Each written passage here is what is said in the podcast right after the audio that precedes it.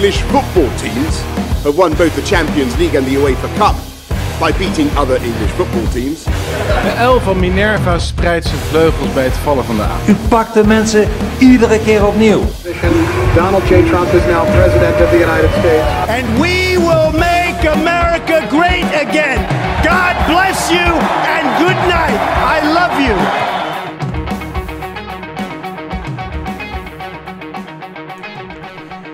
Goedenavond. Als er überhaupt al iemand luistert. Maar ja, het is natuurlijk een podcast, dus dat wordt natuurlijk ook teruggeluisterd.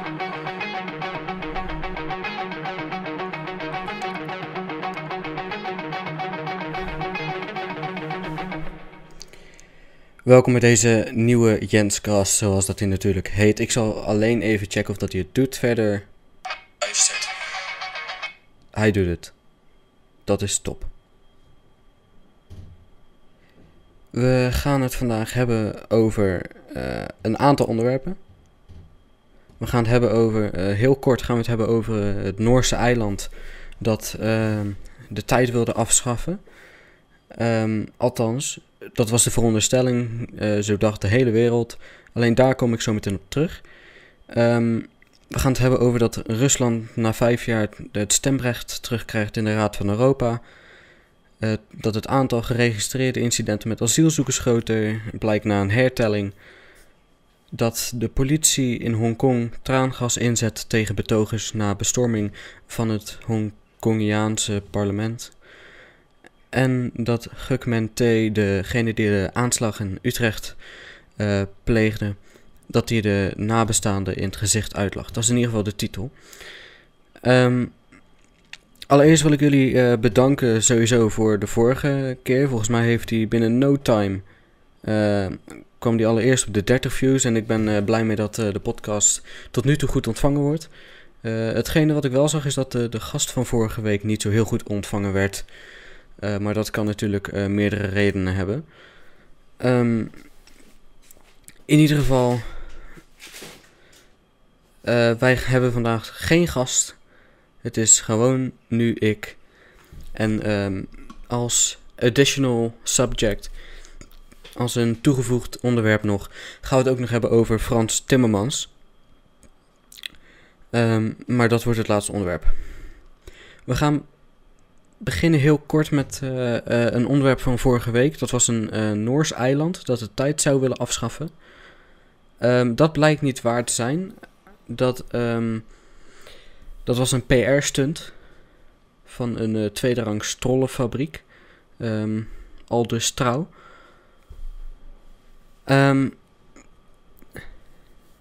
Want er was namelijk het bericht, eventjes to recap.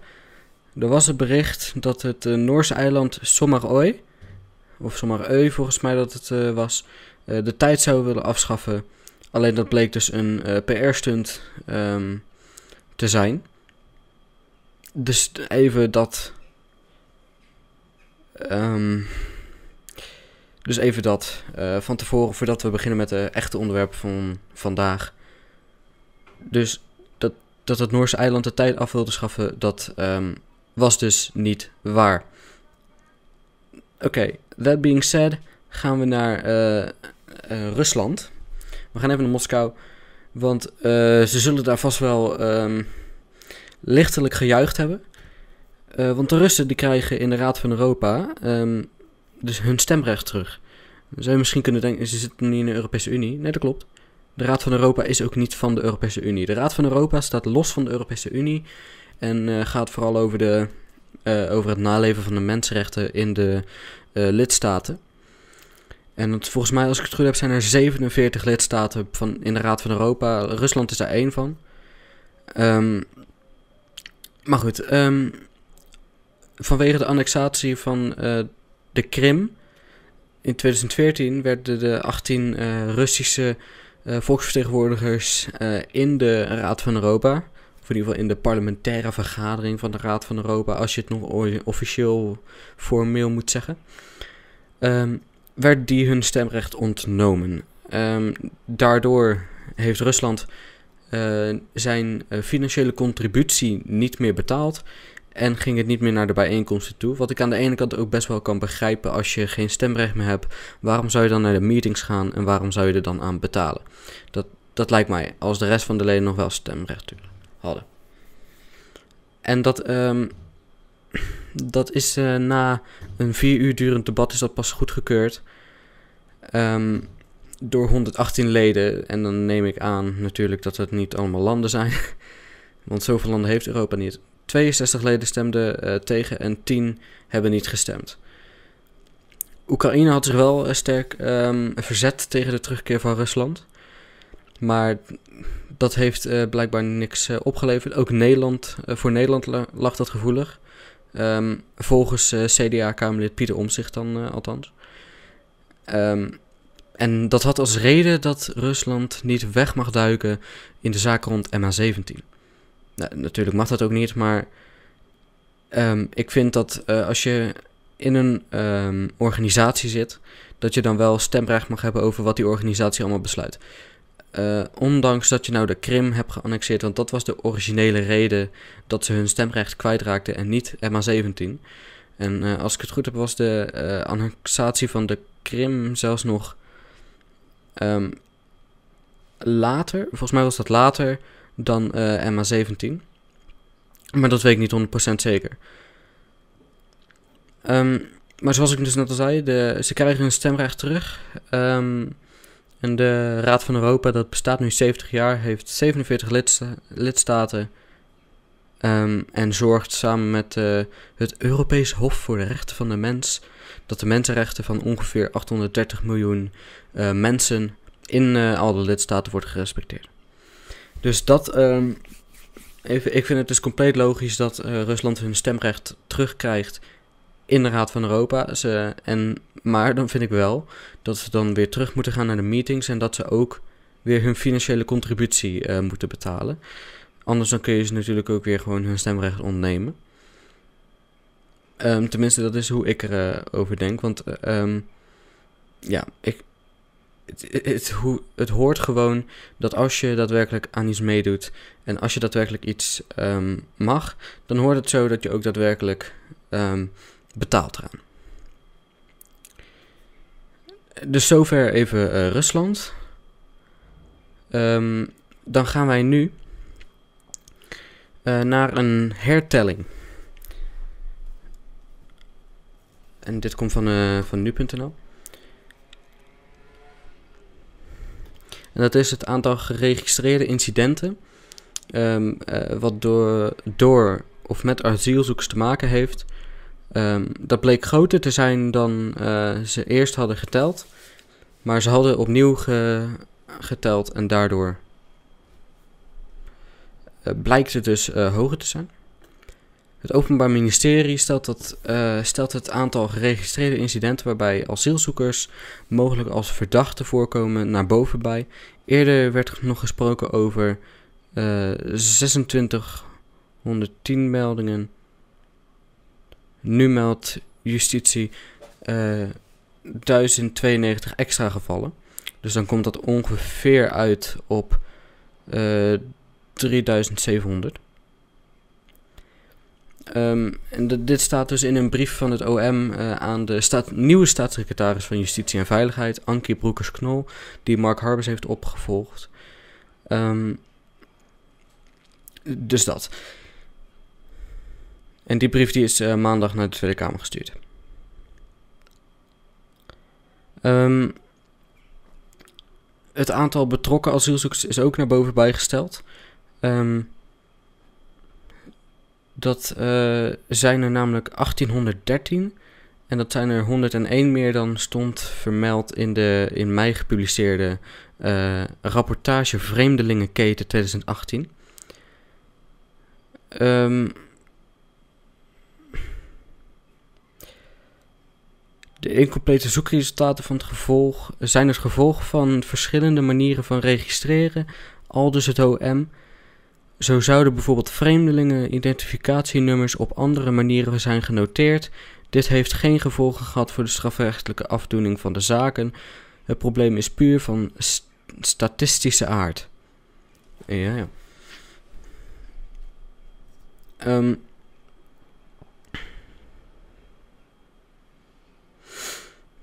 dus ze hebben verkeerd geteld. Ehm, en natuurlijk, iedereen kan verkeerd tellen. Dat is menselijk dat je fouten maakt. Ehm, dus het is ook goed dat ze erop terugkomen.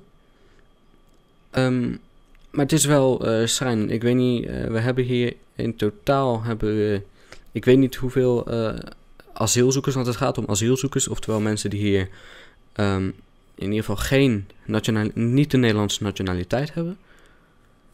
Ik weet niet hoeveel we er daarvan precies hebben.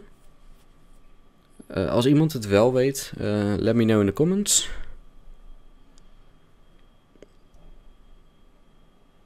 Um, maar in ieder geval in elkaar, bij elkaar zijn er dus uh, uh, 3700, dus 3700 um, uh, zaken waar dat een asielzoeker verdacht is van een misdrijf.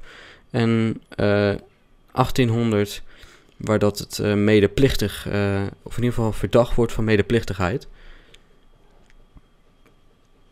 En um, ja la, laat ik het daar maar bij houden voor dit uh, onderwerp. We hebben er nu vier minuten aan gespendeerd aan dit onderwerp. We gaan dan naar Hongkong. Um, want uh, daar in Hongkong waren namelijk demonstraties, protesten tegen volgens mij de, de agressie van China jegens Hongkong. Ehm, als ik het zo goed verwoord, natuurlijk. De Hongkongse politie die heeft uh, maandag uh, traangas ingezet tegen de betogers bij het parlementsgebouw. Het pand werd eerder op de dag door honderden personen bestormd. De meeste demonstranten hadden het pand voor de botsingen met de oproerpolitie al verlaten. Dus dat had blijkbaar geen um, impact. Honderd Honderdduizenden demonstranten zijn maandag de straat opgegaan om te pleiten voor democratie. Deze betoging vindt elk jaar plaats op 1 juli, de dag waarop Hongkong in 1997 door het Verenigd Koninkrijk werd overgedragen aan China. Demonstranten blokkeerden de belangrijkste toegangswegen in Hongkong. Een groep bestaande uit duizenden personen omsingelden het parlementsgebouw. Zij wisten een glazen wand te breken en in het pand te komen waarna zij verschillende keren, uh, verscheiden, zo, verscheidene vernielingen aanbrachten. Um, eerder op de dag heeft de politie al pepperspray gebruikt tegen de demonstranten. En dit uh, weerhield ze er niet van om zich toegang te verschaffen tot het parlementsgebouw. En uh, even kijken. Carrie Lam, als ik het zo goed uitspreek, um, de hoogste bestuurder van de autonome regio, dus van de hoogste bestuurder van Hongkong, die veroordeelt de actie. Uh, zij stelt dat um, de politie terughoudend heeft opgetreden uh, tegen de betrokken demonstranten. Um, en de regio-regering die zegt ook dat de acties uh, onacceptabel zijn. Kijk, uh, wat je even moet begrijpen natuurlijk is, uh, Hongkong dat is een lange tijd van het Verenigd Koninkrijk geweest. Dus dat heeft in redelijke mate democratie gekend. voor zover het op dat moment daar ook democratisch was in Hongkong. En toen in 1997, volgens mij deel van een verdrag, werd Hongkong overgedragen aan China. Uh, en dan niet aan Taiwan, maar aan de Volksrepubliek China. Alleen was het de deal dat het tot 2040 zou Hongkong een eigen um, regio zijn. Dus zou het zichzelf besturen. Um, maar blijkbaar heeft de Chinese regering daar geen zin in om daar nog op te wachten. En willen ze Hongkong het liefst nu dan over een tijd. En, um, nou ja. En dat ze dat niet eerder hebben geprobeerd, dat vroegen veel mensen zich af, maar ik heb het antwoord. Dat hebben ze namelijk niet eerder geprobeerd, omdat vooral vroeger, tussen 97 en volgens mij 2005 of zo, rond die tijd, eh, was Hongkong de eh, grootste economische regio waar China een redelijke eh, controle over heeft. Ehm, ik ehm, reageer heel eventjes op dit, op een eh, binnenkomend bericht. En dat is ook daadwerkelijk het enige bericht waarop ik ga reageren. Want anders denk je als de podcast daadwerkelijk alleen maar op YouTube staat, eh, van wa- waar reageert hij op? Er is iemand die vraagt, komt dit ook nog als losse podcast? Op het moment dat dit uitgestreamd, dat dit uitgestreamd is, is dit de podcast. Ehm, en dan staat hij er gewoon op. Dus dan staat hij gewoon als podcast, staat hij gewoon op YouTube. Dus net zoals de vorige. Alleen tegenwoordig wordt, eh, worden sommige live gestreamd. Just so you know. Maar in ieder geval Hongkong, dat was dus de economisch grootste regio ongeveer van eh, China tot en met 2005, 2010 rond die tijd. En eh, toen werden, want in die tijd kwamen, Shanghai en zo en Shenzhen, Beijing, die werden alsmaar groter en dus ook steeds meer van economisch belang. Ehm, en toen dacht China, oké, eh, nu kunnen we ze wat meer provoceren, want ze zijn niet meer van zo'n heel groot economisch belang voor ons. En toen dachten ze, ja, 2040 dat duurt veel te lang. Dus we, we willen ze het liefst nu erbij hebben dan dat we ze pas in 2040 erbij hebben. Morgen is beter dan overmorgen. Een beetje rond dat principe. Ehm Sorry dat ik even moest hoesten. Ehm, de politieke situatie in Hongkong staat onder druk. Sinds Lam, dat is dus de, eh, ja, de hoogste bestuurder van Hongkong. Ehm, sinds Lam een omstreden wetsvoorstel probeert door te voeren. Die wet maakt eh, uitlevering van verdachten aan China mogelijk. Wat door tegenstanders wordt eh, gezien als een aantasting van de Hongkongse onafhankelijkheid. Ehm, Oké, a valid concern. De behandeling van de wet is vanwege de ontstaande rust voor onbepaalde tijd uitgesteld. De regio-regering benadrukt dat de geldigheid van het voorstel in juli volgend jaar afloopt, als de termijn van het huidige parlement afgelopen is. De demonstranten nemen hier echter geen genoegen mee. Zij eisen dat het voorstel direct wordt ingetrokken. Ja, kijk, het, ehm, het is natuurlijk altijd. ehm, ja, het is niet altijd slecht op het moment dat eh, landen zeggen wij willen verdachten aan elkaar kunnen uitleveren. Volgens mij kunnen wij dat ook met eh, eh, de meeste landen van de Europese Unie. En dat is in sommige gevallen is dat ook goed, want dan worden die mensen alsnog berecht. Volgens het systeem van het land waar dat ze de, ja, de misdaden hebben gepleegd. Dus in sommige gevallen is het wel goed, maar inderdaad, als je gaat kijken naar dit, dat lijkt dan weer op een verdere eh, integratie eh, met eh, China. En dat is net, ja, dat, dat, dat moet je niet, niet willen als Hongkongse autoriteiten. Als je weet dat je bevolking, de Hongkongse bevolking, daar helemaal niet zo voor is voor, voor verdere integratie met China. Ja, het kan zijn dat ze op termijn natuurlijk, als China een beetje zich aanpast, als China zich aanpast, eh, dan kan Hongkong ook wel een aanpassing maken, maar het wil, het wil niet te ver gaan. Dus die- dat gezegd hebbende, ga ik even kijken. We zijn nu 20 minuten bezig, exact. Ehm, en ik denk dat het daarvoor door tijd is om naar het volgende onderwerp te gaan. Ehm, en dat is eh, eigenlijk het één na laatste onderwerp. Maar misschien krijgen we er nog eentje in. Ehm, want we hebben hier Gukmen T. Dat is de eh, aanslagpleger. Ehm, de aanslagpleger van eh, de aanslag in Utrecht. In de tram. Eh, volgens mij wa- was dat eh, de week volgens mij de maandag voor de provinciale statenverkiezingen.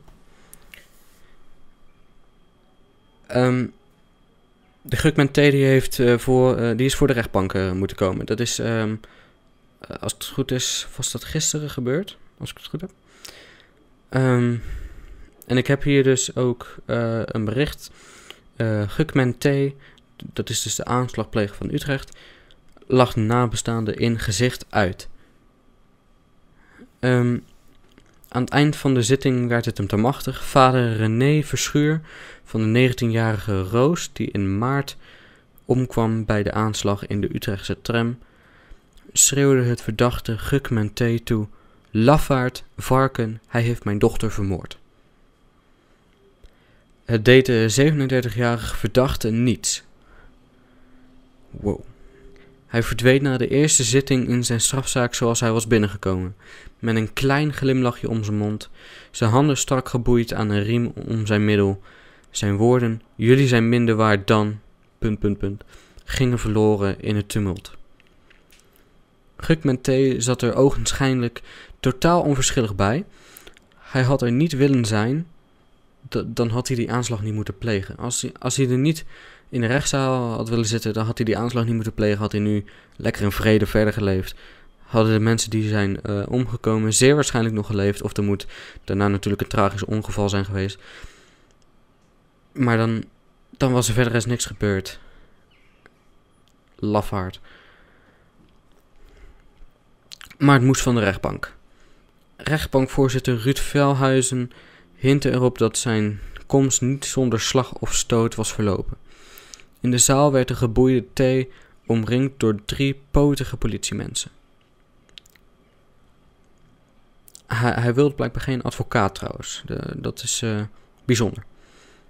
Quote: Ik ben geen democraat. Ik ken jullie wetten en regels niet. Ik erken de rechtbank niet. Unquote. Hij weigert zich, uh, Gukman T. weigert zich te laten bijstaan door een advocaat. Quote, ik begrijp niet waarom jullie daar naar blijven vragen. Unquote.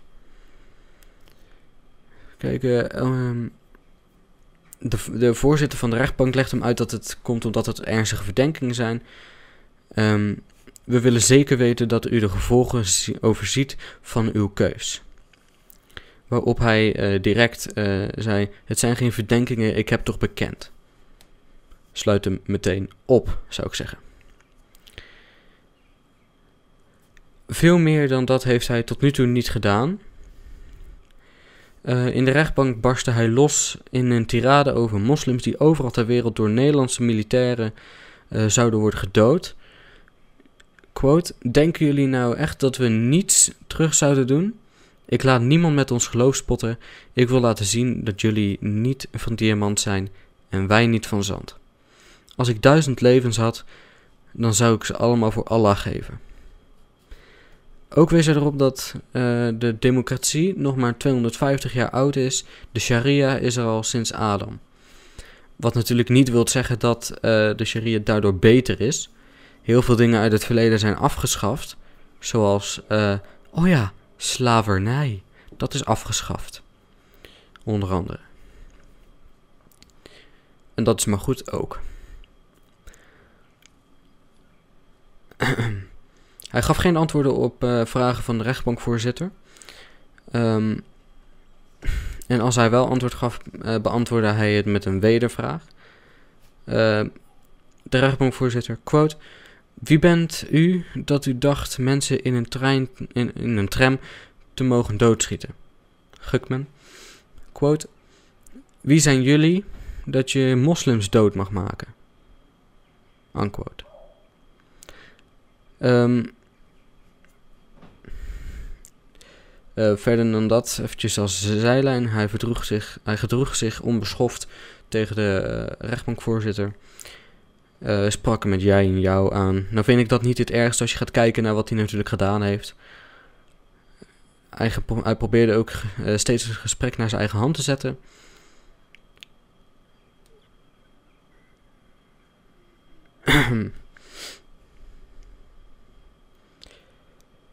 um, Waarom zeggen jullie niet wat er op de demper van mijn wapen stond? Um, de officieren van justitie vertelden wat er op het briefje na de uh, aanslag of werd gevonden, wat erop stond. Um, waarmee uh, T op de vlucht, uh, wat er in de auto um, lag, waarmee Gukman op de vlucht sloeg. Ik doe dit vanwege mijn geloof.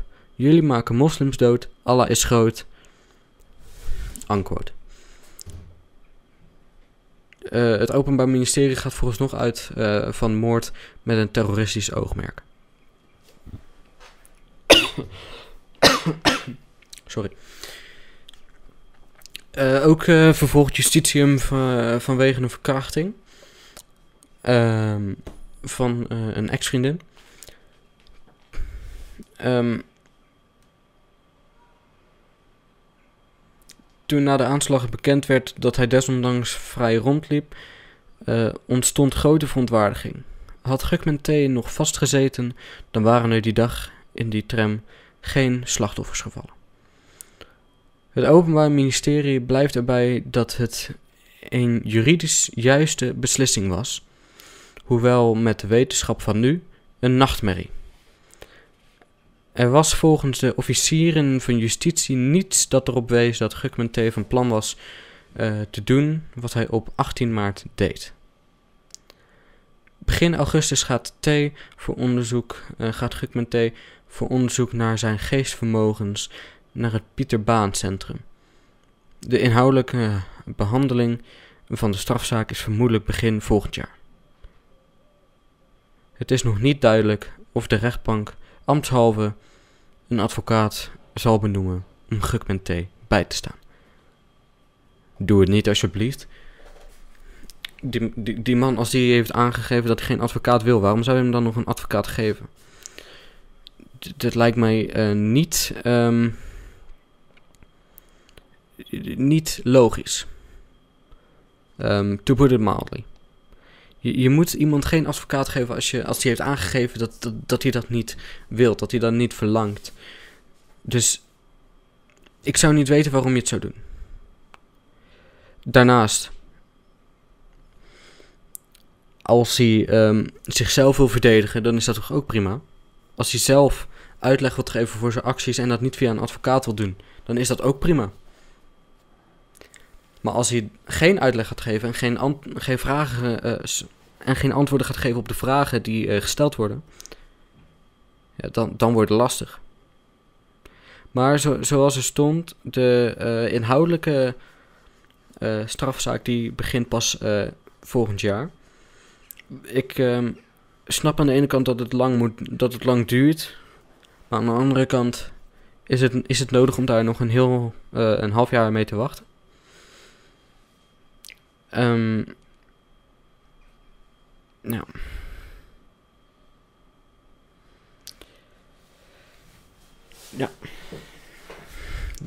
Dat is dus eh, dat onderwerp. Dan gaan we nu. eh, dan gaan we nu naar het eh ogenschijnlijk laatste onderwerp. En dat is eh, Frans Timmermans. De Timmer Frans. Die gast die eh, zeven talen eh, spreekt als je Limburgs als taal erkent. En zes als je dat niet doet. De man wiens ego groter is dan Nederland. Oké. Timmermans grijpt naast EU toppositie. Duits minister von der Leyen naar voren geschoven. Na veel verzet vanuit Centraal-Europa is het PvdA Frans Timmermans niet gelukt om het voorzitterschap van de Europese Commissie te bemachtigen. De EU-regeringsleiders schuiven de Duitse minister van Defensie Ursula von der Leyen, Leyen huilen naar voren. Als het Europees Parlement haar goedkeurt, staat er voor het eerst een vrouw aan het hoofd van de Europese Commissie.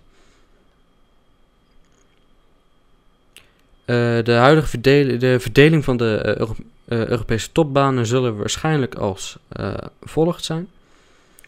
De voorzitter van de Europese Commissie zal dus Ursula von der Leyen zijn als die wordt goedgekeurd door het EP. Die komt uit Duitsland.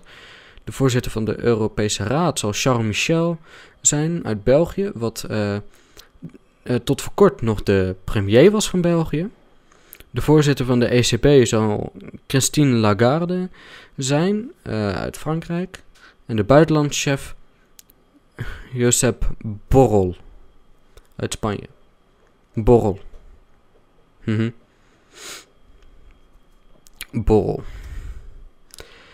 Dat is een goede als je ehm, in hetzelfde team werkt als eh, Jean-Claude Juncker, want die heeft elke dag een borrel.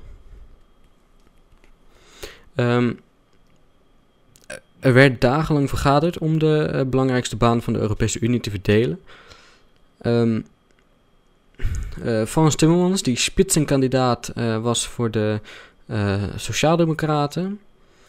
Um, oftewel de, de PvdA van Europa. Hij ziet wel af van zijn Europees parlement zetel. Wat ik echt een laffe actie vind. Als je op een lijst staat, dan wel op de eerste plek dan vind ik dat je ook daadwerkelijk de zetel moet innemen als je niet de topjob krijgt. Um, maar wel genoeg zetels hebt om daadwerkelijk uh, de spitsenkandidatenrol, oftewel de lijsttrekkersrol, als fractievoorzitter te gaan vervullen. Je kan het ook kiezersbedrog noemen, zoals uh, Thierry Boudet heeft genoemd. Maar er waren een. Um, zo.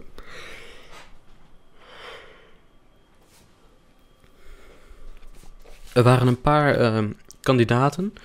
Uh, Timmermans, Frans Timmermans, uh, Manfred Weber van de, de spitsenkandidaat, spitsenkandidaat van de Christendemocraten.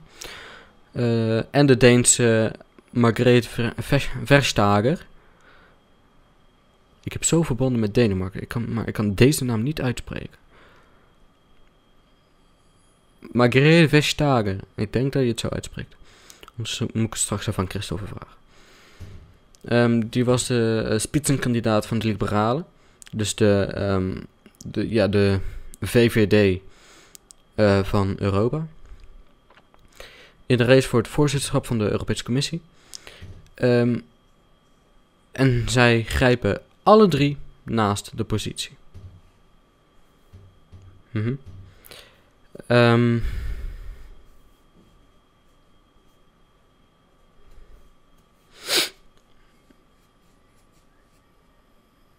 Alleen die van de Leyen die is dus blijkbaar als uh, compromis naar voren geschoven. Um, uh, maar het Europese parlement heeft liever wel een spitsenkandidaat als voorzitter. Dus het is wel de vraag of dat die, die überhaupt, die van der Leyen, daadwerkelijk door het Europese parlement komt met voldoende steun. Um, en dus uh, Charles Michel die zal Donald Tusk opvolgen. Donald Tusk, die, uh, die nu EU-president is. Um, die man uit Polen. Um, en Josep Borrell, die zal dus Europese buitenlandschef worden. En die gaat Frederica Mogherini opvolgen. Oké. Um, en Christine Lagarde die is 63 jaar, zie ik hier. Die zal Mario Draghi opvolgen als uh, voorzitter van de Europese Centrale Bank. Uh, sowieso, ik zou die centrale bank direct opheffen. Ik zou um, da daarbij ook direct de euro opheffen.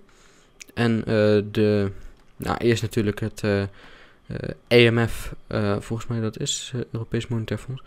EMU. De EMU, dat is een EMU. Eerst de EMU um, uh, ontbinden. Daarna de EU ontbinden. En daarna gewoon handelsverdragen op, opstellen. Um, maar dat is dus dat.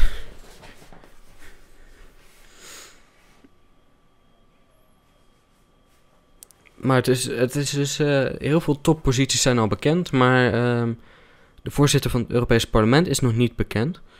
Um, die worden gekozen voor een termijn van 2,5 jaar. Meestal zijn dit kandidaten van de twee grootste fracties.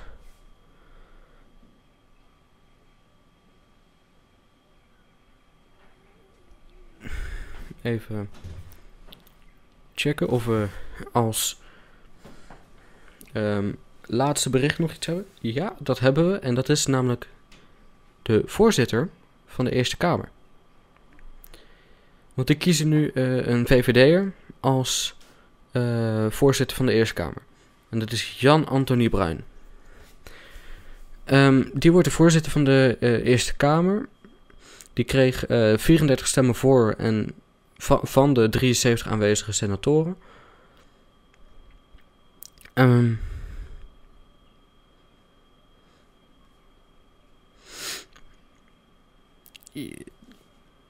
ja. Het is dus ehm, nu het geval dat we een Eerste Kamervoorzitter krijgen van een partij die niet de grootste was. Ehm, terwijl het normaal in de Eerste Kamer ehm, eh, ja, eigenlijk een beetje traditie is om de, eh, voorzitter, eh, om de voorzitter van de grootste partij zeg maar, te laten komen. Dus de voorzitter kwam normaal van de grootste partij, wat nu Forum is. Maar blijkbaar hadden ze daar geen zin in en hebben ze die stemronde bedacht. In de Tweede Kamer gaat dat wel anders, want daar wordt eh, de voorzitter direct gekozen door de Tweede Kamer. Eh, daardoor is eh Khadija er nog steeds. Want die is natuurlijk van de, niet van de laatste partij van Nederland, maar van een van de laatste partijen van Nederland. Volgens mij de negende partij van Nederland, als ik het goed heb. En dat ga ik even snel checken voordat ik hier een statement maak wat weer niet klopt.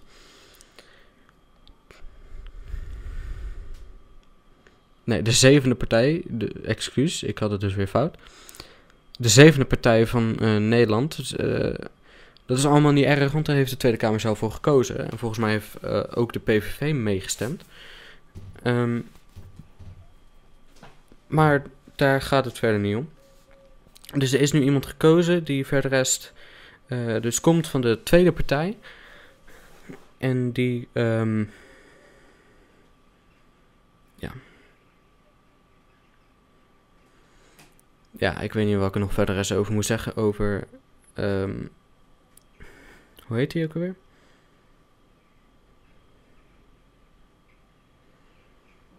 Even kijken. Bruin is de achternaam.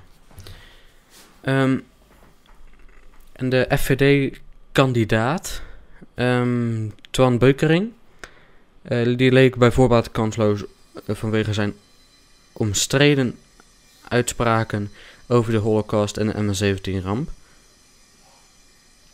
Ehm, even kijken, en die uitspraken waren puur om ze even te herdenken, om het zo maar even te zeggen.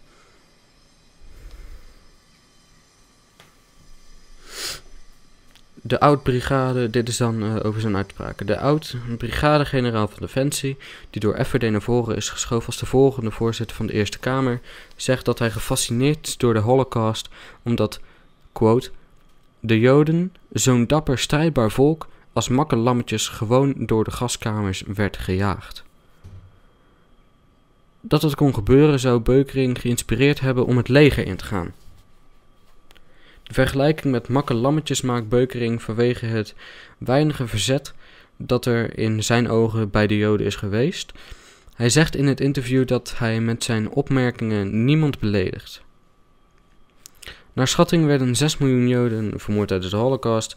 Dat gebeurde voornamelijk in verdedigingskampen als Auschwitz, Birkenau en Sobibor. Maar ook door speciale eenheden die, met name aan het oostfront, in de rug van de gevechtseenheden verantwoordelijk waren voor grote moordpartijen onder Joden. Ehm, en verder heeft hij gezegd dat eh, het ook eh, goed mogelijk is dat Oekraïne achter MH17 zit. Ehm, wat natuurlijk ook gewoon nog steeds kan. Ehm, kijk, we- we- weet je wat het probleem is Ehm, bij JIT? JIT is samengesteld uit een aantal landen. Waaronder. ehm, nee. Ik word een beetje gek van het gezaag buiten. Eh, waaronder Nederland, eh, volgens mij België, eh, Maleisië, Australië en Oekraïne. En die samenstelling die is eh frappant, want Ehm, Oekraïne is een van de twee verdachten. Eh, en Rusland die heeft meerdere malen geprobeerd om eh, mee te doen aan het onderzoek. Alleen die mochten, uiteindelijk mochten die niet meedoen. En dat, dat, vind, ik, dat, vind ik fout. Ik vind het fout van, ehm, van het uh, JIT, zo heet dat team, dat ze Rusland er niet bij betrokken en Oekraïne wel. En ik vind het, uh, kijk, had ze dan of allebei niet erbij betrokken of allebei wel. Maar dat, dat hadden ze blijkbaar hadden ze daar geen zin in. Dus ja, dan, dan kiezen ze er maar voor om, om het op die manier te doen. Um, en dan nog eventjes, um, want dat, we, dat waren dus de, de nieuwsdingen, uh, dan nog eventjes iets persoonlijks. Uh, morgen is uh, de diploma-uitreiking en dan krijg ik mijn diploma van VMBO TL de theoretische leerweg. En dat vind ik fijn. Dan ben, dan ben ik namelijk officieel diploma-houder. Wat je er allemaal mee kan, dat ligt er maar aan. Um, maar dan heb je dus daadwerkelijk de status diplomahouder. En dan ga ik juridisch studeren in Breda. En daar kijk ik heel erg naar uit. Want juridisch, voor de mensen die het natuurlijk niet weten... Juridisch, dat heeft heel erg met wetten te maken. En hoe, met hoe meer wetten je te maken hebt, um, en hoe meer je geleerd krijgt qua wetten, hoe beter je ze kent. Um, en hoe beter je ze kent, hoe beter je ze in de praktijk kan uh, gooien.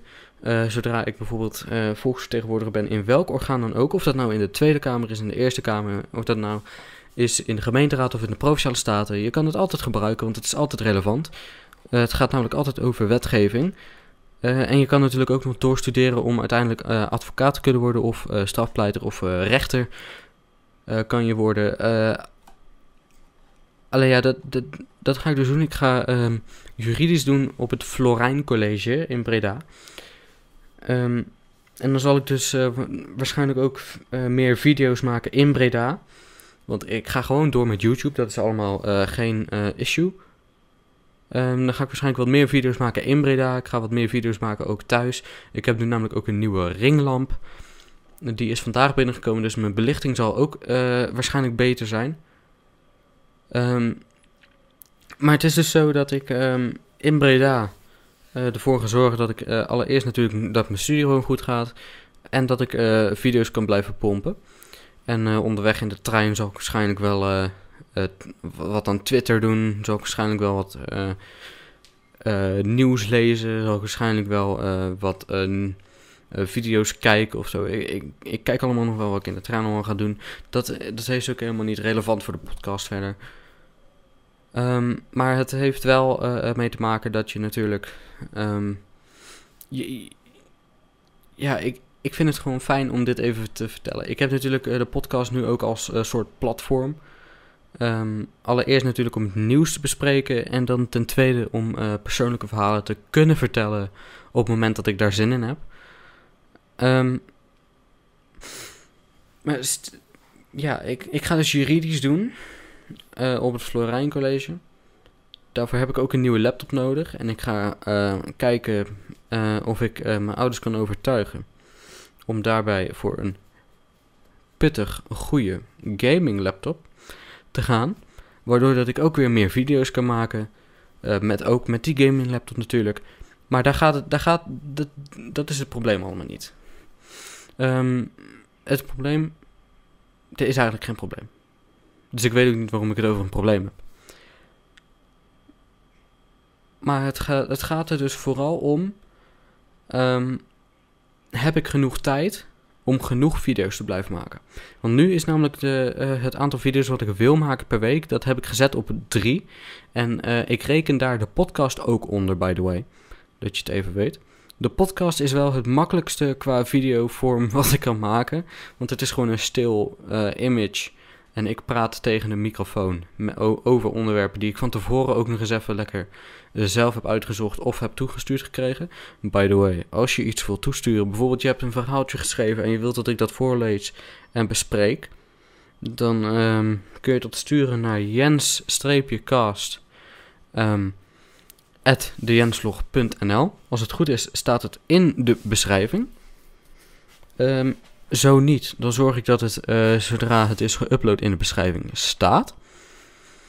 Ehm, maar ja, dat is dus een beetje ehm, de, de podcast. Ik denk dat ik ehm, al wel eh, kan afronden. Eh, dit keer is het niet een heel levensverhaal, zoals vorige, vorige week met Mustafa Hassan, de gast van toen. Maar we, we, houden het relatief kort. Ik denk dat we, we, we hebben ongeveer 50 minuten minder dan de vorige podcast. En mijn podcast, ik zal ze waarschijnlijk tussen de drie kwartier en een uur en een kwartier uh, proberen te houden. Maar het kan natuurlijk ook buiten komen. Uh, hey, ik wil je bedanken voor het, voor het luisteren naar de, deze podcast. Ik ga even kijken waarom die het niet doet.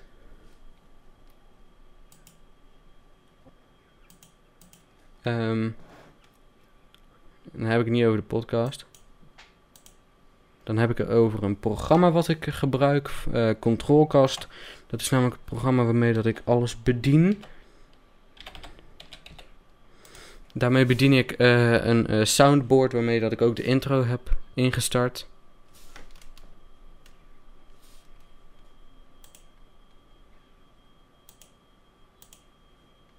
Kijken, hij, hij, doet het echt niet. Wat vervelend.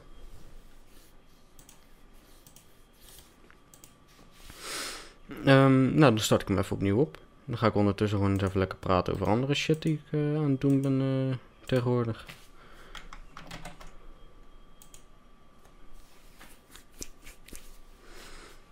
Um, nou ja. Um, ik weet niet uh, of dat, dat het zo hoort. Kijk, dit is de, de tweede podcast natuurlijk. Um, het is altijd leuk om een podcast te hebben. Dat, uh, het is nu nog wel maar de, de, de tweede episode, maar alsnog. Ik vind, dat het, ik, vind, ik vind het leuk om de podcast te doen. En um, ik hoop dat jullie het ook leuk vinden. zo niet, dan wil ik dat ook graag weten. Ik bedoel, ik wil altijd weten wat mijn publiek, om, om jullie dan even zo te noemen wat mijn publiek vindt van dingen. Of ze de podcast een beetje kunnen waarderen. Dat hoort er natuurlijk ook bij. En kunnen jullie dat nou, kunnen jullie het nou waarderen? Dan vind ik het allemaal prima. Kunnen jullie het niet waarderen? Dan vind ik het ook prima. Maar dan wil ik het wel weten. Um,